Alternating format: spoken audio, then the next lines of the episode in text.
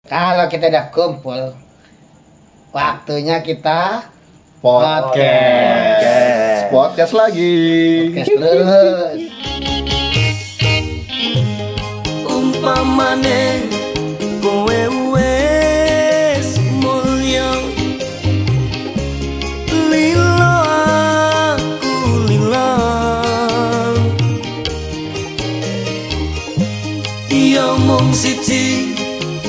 panyuwunku. Aku pengen ketemu senajan waktu mung sedelo tanggo tombo kangen jroning dada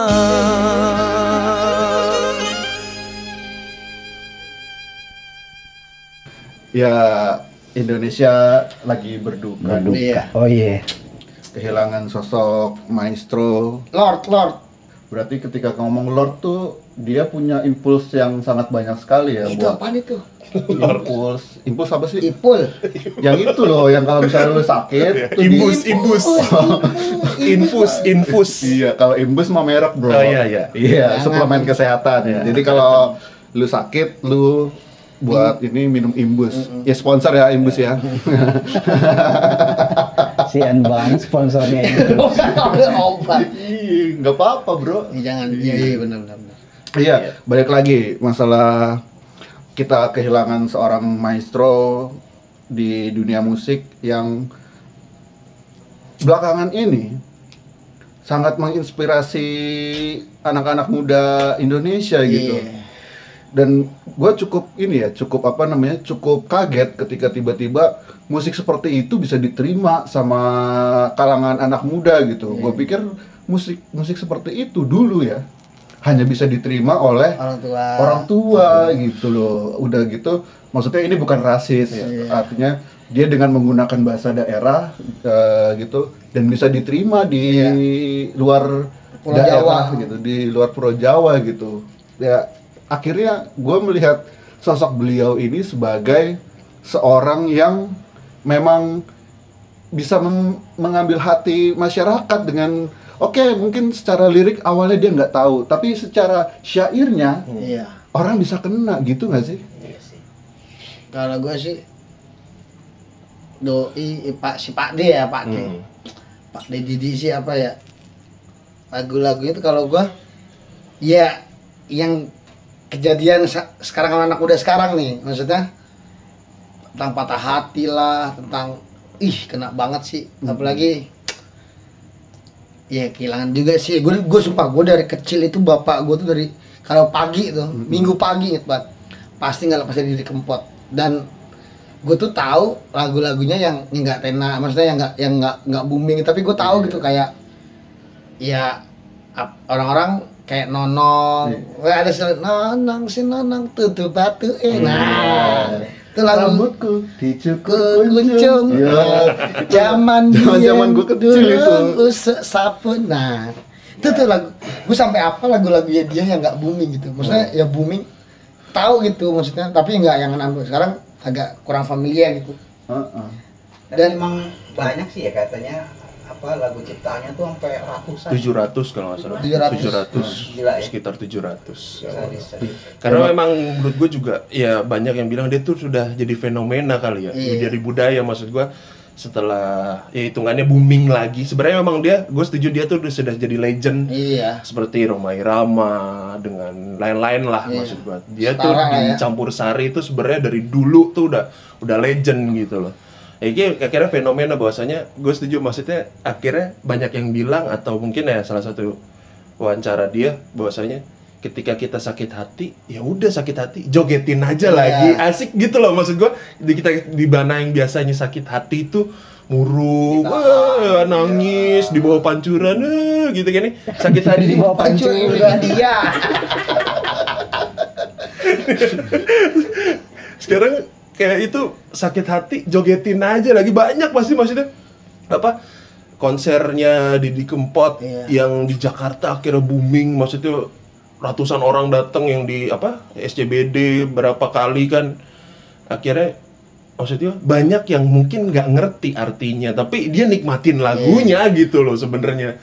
Tapi selain mungkin ya itu dia ya Hmm. universalnya musik ya. Maksudnya ya kayak lagu barat juga Hmm. mungkin banyak juga yang nggak ngerti Iya. bahasanya kan. Cuma mungkin nadanya kena gitu Iya, ya kan. iya. Jadi memang ya gua rasa almarhum juga mengeksplor sedemikian rupa rasa patah Iya. hatinya sampai ke dalam gitu. Hmm. Jadi dia nyiptain lagu tuh emang pakai hati Iya. gitu. Ya, dan dia memang seniman ma- apa bener-bener seniman kali bahasanya kalau ya di apa gue dengar dari lihat dari wawancaranya apa statementnya Gofar bahasanya dia pernah ngomong sama Didi Kempot bahasanya sebenarnya kan dia ditanya Pak De kan banyak nih yang cover-cover lagu lu itu duit lu loh sebenarnya. Lu dapat nggak persenan dari situ? Kan kayak gitu-gitu kan. Ya dia sih nggak bermasalah sebenarnya. Yang penting sebenarnya dia tuh adalah unggah ungguhnya gitu loh. Izin paling ada ya. ada ada iya. Izin. Cuma izin aja. Ada satu contoh penyanyi yang datang ke dia Pak De, saya pengen nyanyi apa pengen nyanyiin lagunya Pak De, Cover, kan, pengen cover. cover, tapi saya nggak punya uang. Ya udah nggak apa-apa, pakai aja laguku. Semoga laguku bermanfaat. Akhirnya diizinin. Sebenarnya izin aja gitu loh yang dia butuh gitu Ya, maksudnya. keren ya. Ya nggak ungguh lah gitu loh. Jadi dia juga nggak menghalangi yang seniman-seniman lain atau penyanyi-penyanyi lain bawain lagu dia juga nggak apa-apa sebenarnya. Iya. Dan jadi pelajaran juga sih buat apa orang-orang yang pengen tenar tuh. Lu nggak perlu bikin ulah yang gila-gila lah ya. Iya. Kalau emang lu Iya, berkarya istiqomah gitu ya kan. Satu saat mestinya nggak jangan cepet-cepet tuh kayak siapa mau terkenal ngasih apa namanya bikisan sampah orang Udah gila. jelas itu. Gue maksudnya ya apa sih lu Iya. pengen lu pengen terkenal harus banget harus buat begitu ya harus nih ngerendahin orang gitu ya Iya. maksudnya kenapa harus lu ngorbanin orang sih biar terkenal gitu loh yang di Pak D aja dia udah terkenal tapi dia ngerasa nggak terkenal gitu. Iya, maksudnya yang iya, iya. sederhananya Iya. gitu Iya. Itu dia. makanya dia yang nggak yang sekarang terakhir aja HP-nya itu Iya. dia itu nggak ada WA nggak ada SMS kalau dia SMS, gue dia gue tuh Pak D Iya, maksud gua apa namanya? Sekarang buat apa lu terkenal tapi lu nggak bisa memberikan manfaat buat orang lain gitu. Hmm. iya Iya. Maksud maksud gua Iya. eh ya itu sih salah satu apa namanya? mungkin yang filosofi yang bisa di gue tangkap dari omongannya si Gofar tentang Didi Kempot gitu almarhum bahwa beliau selalu mengajarkan buat hidupmu itu bermanfaat Iya. gitu kan artinya ya dengan lagunya yang dia ciptakan gitu itu memberikan impuls buat anak-anak muda yang patah hati bahwa hey kalau lu sedih kalau lu lagi galau udah bro jangan dipikirin dengan kesedihan. Ya yaudah yuk kita joget bareng-bareng kita nyanyiin bareng-bareng. Ya supaya kita juga gembira lagi. Ya gitu cuy. Dan kalau misalnya tadi ngomong bahwa eh, ketika siapa pun yang mengcover lagunya almarhum Om Didi gitu ya dia nggak terlalu memikirkan royalti. Yang penting dia bisa memberikan dengan lagunya itu bisa memberikan manfaat. Iya. yang mungkin manfaatnya itu bisa membuat si pengcover itu terkenal dan bisa menghasilkan ekonomi yang lebih Iya. gitu paling tidak buat dirinya dan orang di samping-sampingnya gitu Iya. loh kayak gitu sih itulah dan apa namanya di Indonesia kayaknya udah sangat jarang sekali sosok-sosok yang bisa memberikan eh, apa ya bahasanya role model seperti Hmm, itu buat hmm, hmm. buat eh, orang lain gitu misalnya eh, buat gue lah bahwa sosok role model di Indonesia gue sekarang kehilangan gitu. Artinya role model yang seperti Om Didi ini gitu. Bahwa dia bisa memberikan eh, impuls buat orang lain gitu. Nggak cuman dia terkenal gitu loh. Iya, tapi gue gue juga kejadian ini gue ngingetin sama sosok sih, sosok Basurip sih gue. Iya. ya Iya ini apa ya, lagi jaya-jayanya gitu. Iya, setuju gua. Basurip, gomblo gitu loh.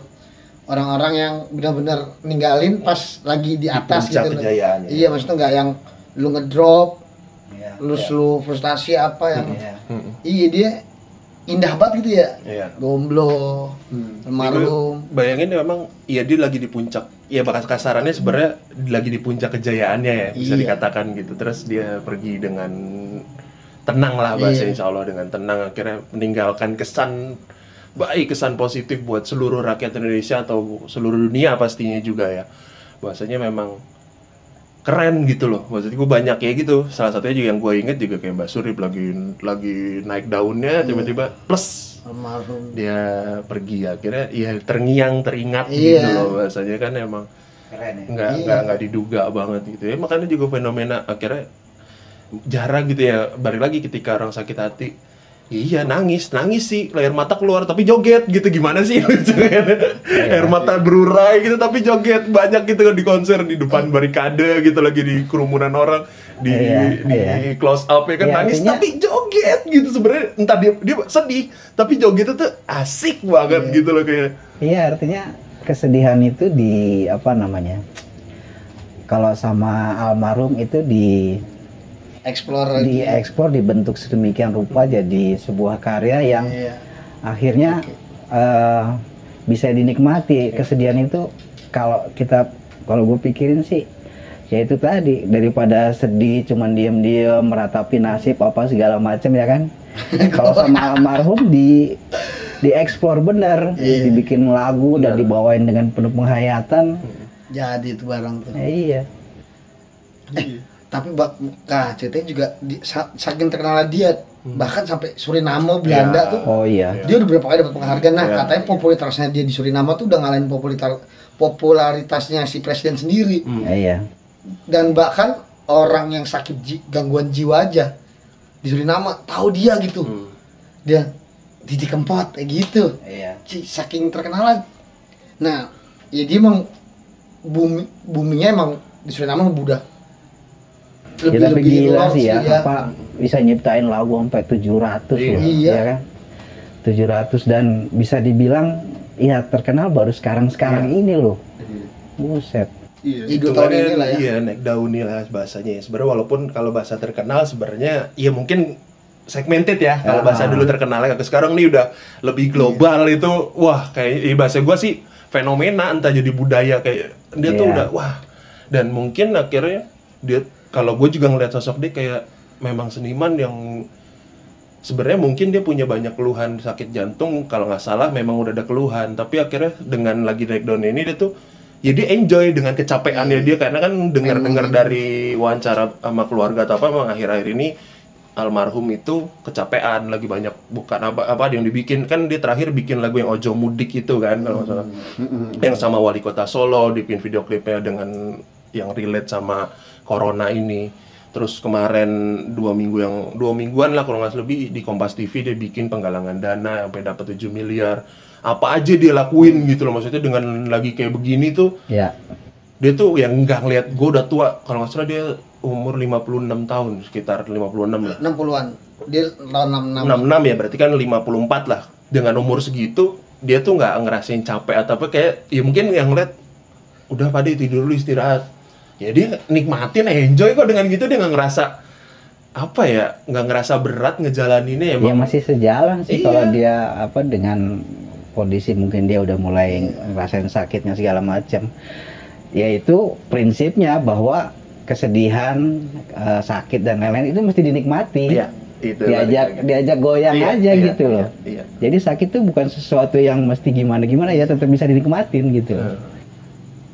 Memang sosoknya gue juga banyak denger kayak dari Kiki Ucup tuh yang founder atau penggagasnya Synchronize Fest. Dia bilang minta ngajak ke situ. Mbah, aku punya apa Pade aku ada konsep gini gini gini gini. Waduh dia, kayak dia menjelaskan gitu kan akhirnya.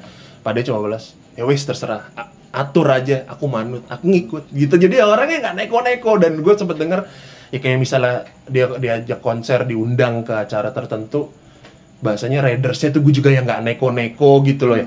Yang hotel yang biasa-biasa aja. Harusnya kan kel- kelas dia kan harusnya dengan kelas dia segitu apalagi hitungan dia naik kelas ya sekarang dengan booming sekarang ya kan idealnya lah apa bukan idealnya biasanya kan orang-orang bertingkah ya gitu.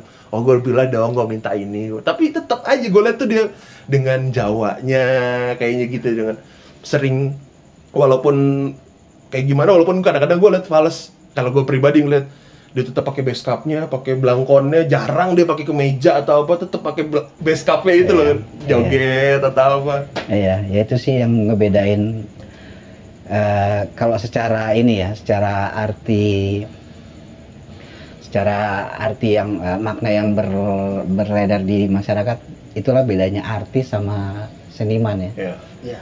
Kalau seniman gaya gue begitu nggak minta macam-macam, yang penting gue berkarya. Iya, Kalau artis kan kebanyakan ya. bertingkah bukan berkarya bertingkah Jadi terkenal karena tingkahnya Iya. bukan karena karyanya. Iya, sama ya mungkin itu bedanya seniman proses sama seniman karbitan ya. ya Artinya ketika lu memang adalah seniman proses, ya lu udah nggak mikirin mungkin bahasanya adalah lu udah lupa dengan bahasanya. Mungkin tadi kalau disebut sama Om Johnson bahwa dalam kondisi yang terkenal sekarang riders yang dia Hmm. minta nggak neko-neko kayak gitu. Kan ada tuh yang artis-artis karbitan misalnya yang baru naik eh, atau tiba-tiba naik gitu tam- eh, dengan mungkin bahasanya sensasi apa gitu gayanya tuh tengil-tengil kayak berasa udah artis hebat yang tahunan padahal ya kalau dia tidak menciptakan atau produsernya tidak menciptakan sensasi itu juga mungkin dia nggak akan terkenal gitu kan. Artinya eh, seniman karbitan bahasa gua adalah di belakang lu itu ada siapa Iya. yang membuat lu terkenal dan sensasi apa yang sudah atau bu- bukan sensasi lah bahasanya apa eh, strategi apa yang sudah manajemen lu buat supaya lu bisa terkenal gitu. Tapi kalau seniman proses ya dia sudah berkarya dari awal tanpa memikirkan mungkin kapan gua akan terkenal gitu. Yang penting secara karya gua bisa didengar gitu bisa apa namanya sebagai seorang seniman gitu karya dia punya karya gitu loh. Mungkin gitu sih ya. Salut lah ya. salut banget gitu. Kalau gue belajarnya sih, gue ngambil hikmah apa pelajaran dari Pak Desi ini gue kesederhanaannya dia gitu. Iya. Iya.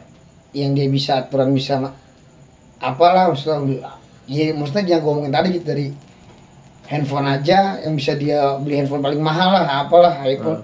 Dia tetap pakai HP zaman dulu itu betul sih ya gitu deh yang kesederhanaan kesederhanaan yang yang harusnya ya di, dipunya gitu maksudnya ya. Yang ini juga ya karena gue emang dari dulu ngefans sama doi gitu maksudnya. Sebelum anak-anak sekarang udah Iya. Ngefans gue udah ngefans dari zaman gue SD LTK kali Berarti SD lu udah mulai patah hati ya? dulu dulu dulu gue kalau patah hati dengerinnya ini stasiun balapan Ah. Neng stasiun balapan nah kalau Sri Sri itu Sri kapan kowe Sri Minggat? Sri Iya. Minggat. itu booming juga itu Iya, setelah maksudnya dulu zaman gua kan kecil tuh di kampung ya. Hmm. Eh gue pernah ngalamin yang eranya Mantos lagi terkenal gitu. Ya. Terus akhirnya Hmm. eh, di kampung gua tuh eranya berubah tiba-tiba eh, apa namanya eh Didi Kempot dengan Hmm. lagunya yang gue seneng banget tuh kenapa? gue lupa lirik awalnya gimana? Dicukur kuncung yang itu. Oh, zaman Ya. biyen durung usuk sabun asih maksudnya itu Lambiku eh, Barusan nembah kaku. kayak apa eh liriknya sederhana Iya. cuman ngomongin bahwa ini kehidupan seharian zaman Iya, dulu zaman gitu. tapi kok apa namanya kita bisa nikmatin Iya. gitu loh. Apa namanya kayak gitu. Iya. sampai sekarang akhirnya dia bisa bikin sesuatu yang menurut gue juga lebih oke gitu dalam arti sekarang eh, apa namanya eh mungkin bukan sekarang sih emang dari dulu dia ketika menciptakan lirik eh, membangun lirik itu menjadi sebuah lagu ya benar kayak tadi dibilang bahwa dia ngasih ruh atau nyawa atau perasaan di situ Iya. sehingga orang yang dengar oh iya anjir gitu Dan itu kuncung itu tahun berapa? Tahun zaman gue SD udah ada itu lagu. iya iya Zaman biyen durung usuk sabun kan. Nah. Lambiku warisan nembah kakung. iya iya iya Dolananku motor cilik saka Lempung. Kalau Di sekolah wis kental baris. Iya lagu itu gua gua kalau sosok Didi Kempot sebelum maksudnya naik daun setahun dua tahun terakhir ini memang dulu ya gue tau lah stasiun balapan Sewu Kuto. Nah, Sewu Kota ya itu kan? Segala macam lagu-lagu itu kan. Tahu nah terus akhirnya gua tuh pas gua kuliah sekitar tahun 2010-an di Malang tuh ada lagu yang apa namanya gua dikasih tahu temen gua kayaknya sih relate sama gua bahasanya jadi ada judul lagu namanya Jambu Alas Nah, di kondisinya gue lagi suka sama cewek yang cewek itu udah punya cowok. Intinya kayak gitu. Dan di lirik lagu itu, Jambu alas sing kulite ijo Sing digagas wis duwe bojo ada gula, ada semut, turung rondo, ojo direbut. Jadi bahasanya intinya adalah jambu alas kulitnya hijau, ya kan? Yang di yang di Uber tuh sing digagas wis duwe bojo, udah punya pacar, udah punya istri sebenarnya sih di dalam cerita. Suami. Di dalam- suami ya, saya udah punya suami, udah punya suami.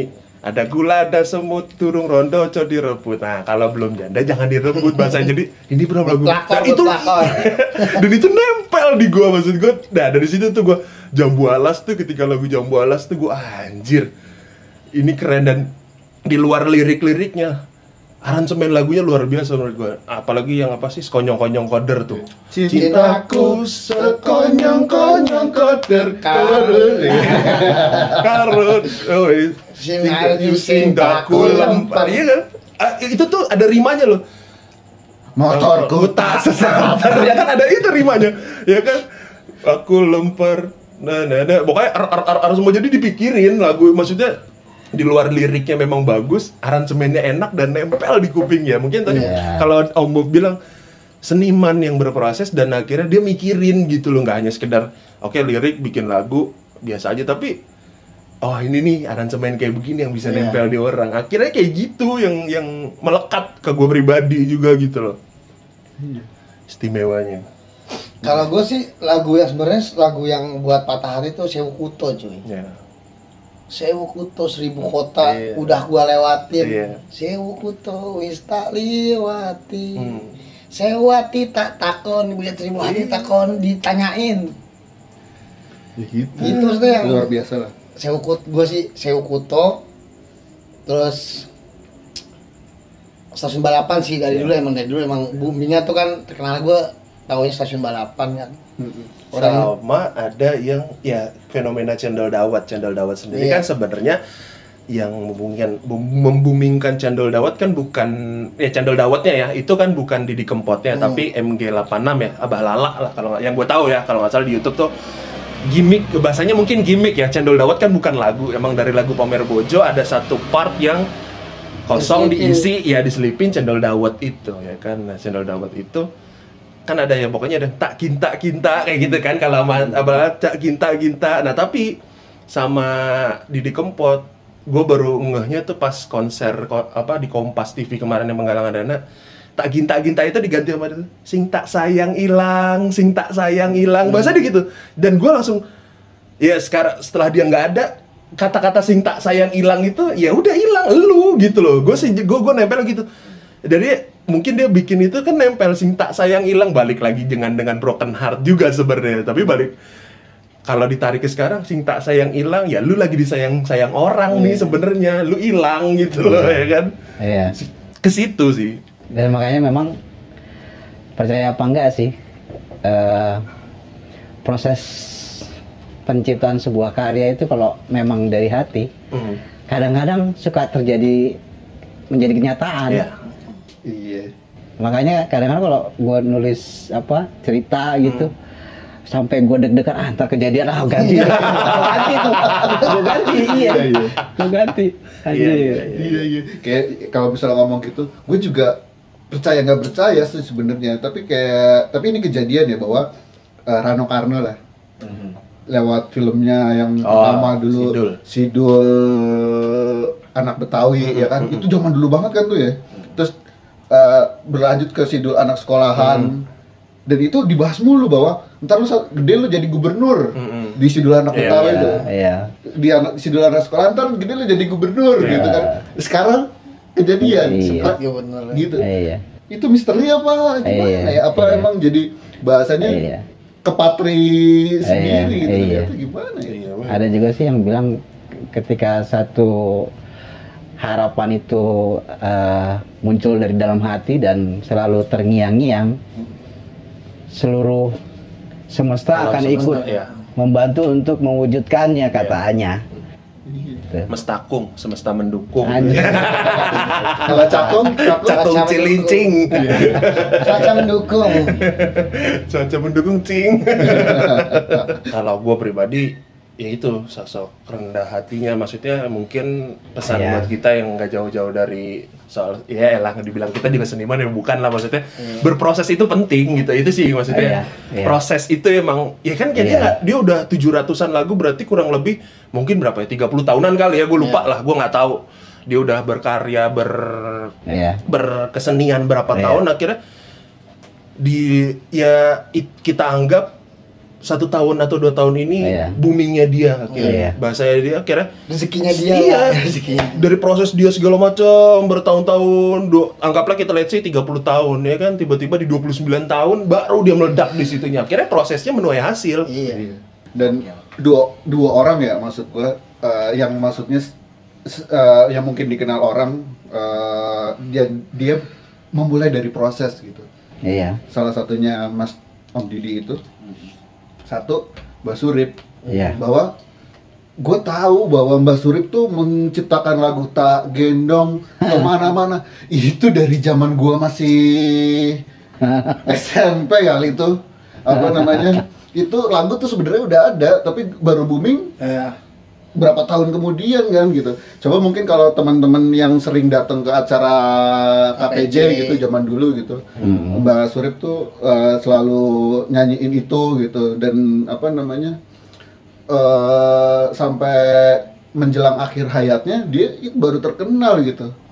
Dan ketika dia terkenal apakah dia seperti artis-artis yang lain? Tidak gitu menurut gua. Dia tetap nongkrong di pinggir jalan tetap ngopi Hmm. gitu makan. Iya. mungkin kalau sempat nonton di tayangan yang gosip-gosip entertainment yang ada di TV juga dia makan di pecel lele kayak gitu-gitu Iya. sih nggak dua orang yang mungkin sosok yang teman-teman tahu gitu. Di tapi di luar sana banyak juga yang seniman-seniman besar yang apa namanya prosesnya eh, juga gila dan karyanya juga gila.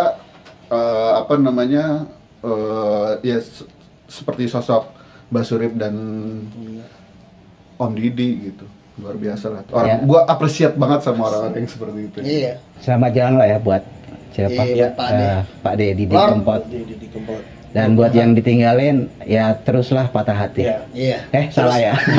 teruslah jogetin aja makanya patah hati jogetin aja iya iya iya iya iya iya juga sedih-sedih juga ya kan sebagai orang Jawa kan gitu kan Iya cuma si Jawa yang tahu dia doang Iya. siapa lagi coba Didi Iya sih. Iya sih. Iya, tapi kalau gua rasa sih sebenarnya bukan hanya Jawa aja gitu. ya. Iya, seluruh Seluruh Indonesia. Indonesia gitu. Bahkan Iya. mungkin dunia yang mengenal dia sampai gitu. terakhir itu gue di Kalimantan naik taksi inget banget gue pengen ke bandara Heeh. pengen jadi tiket yang gagal balik Gua dengerinnya di Kempot Iya. Anjir banyak gitu. banget video bule ya kan bule nyanyi lagu Didi Kempot dengan iya dengan aksennya dia gitu loh terus ada juga waktu itu di Kompas TV acara Rossi orang Jepang dengan nada aksennya orang Jepang tapi fasih bawain lagu dia tuh apa jadi maksud gua ya itu mungkin bahasa gua dia sudah menjadi fenomena sudah menjadi budaya bahasanya ya wah udah nggak tahu udah bahasanya udah keren banget sih memang. Iya. Seorang sosok seniman yang bisa ngangkat tradisi jadi suatu yang mainstream Iya. dan bisa diterima lah. Tapi kalau udah ngomong mainstream pasti diterima Iya, sih ya. iya, iya. Iya gitu. Ya patah hati universal lah semua orang banyak lah yang patah hati ya kan. Iya. sekarang udah muncul nih bibit-bibit Didi Kempot yang baru nih kayak oh Cak Nan Cak Denny Cak Nan. Nan Cak Nan udah mulai naik nih. Iya, maksudnya akhirnya kan sosok apa mungkin timbul seniman-seniman yang Iya. akhirnya bangga ya terutama ke daerahnya mungkin kalau kayak Mbak apa Pak Didi dengan Jawanya akhirnya ada Denny Caknan mungkin di daerah-daerah lain juga Iya. banyak sebenarnya seniman daerah tuh banyak Mm-mm. yang ya mungkin mereka akan berproses ya suatu saat kalau memang dia seperti Pak Didi yang berkesenian berkarya dengan hati someday akan membuktikan kok gitu loh. Semesta akan membuktikan bahwasanya ya udah emang lu berkualitas lo akan diterima. banyak sih sosok-sosok kayak edukon edukologi Hmm. dengan Iya. daerah timurnya Ya Iya gitu. iya keren lah. Ya, gitu Ya. mungkin sosok semoga Mbak- tenang lah Pak De di sana Amin. Iya. Ya kita doain semoga semuanya apa ya Pak De juga tenang di sana segala dosanya diampuni, ya kan, diterima di sisinya. Segala karyanya pasti long last. Maksud gua nggak bakal mati, Iya. pasti lekang apa nggak lekang dia makan zaman lah Iya. maksudnya. Mungkin kayak gitu. Oke, eh, mungkin eh, buat episode mengenang Om Didi pada malam hari ini bis- eh, kita sudahi dulu sampai di sini. Oke. Eh, dan seperti kata kita sepakat bahwa eh, beliau adalah sosok yang sangat luar biasa, Setuju. legenda legenda. buat pendengar jangan lupa juga nih di follow juga nih Instagram kita. Instagram kita ada yaitu Di app di podcast. at podcast Om Om Senang. Senang, di ya di ya kalau mau ada komen komen apa atau masukan nih lu pengen kita kita nih bahas apa nih silahkan komen di situ ya insya Allah kita bawain lah Iya, betul, betul, betul. oke betul, betul. eh, untuk episode kali ini kita sudahin dulu sampai bertemu di malam minggu malam minggu berikutnya. Hai assalamualaikum warahmatullahi wabarakatuh Waalaikumsalam.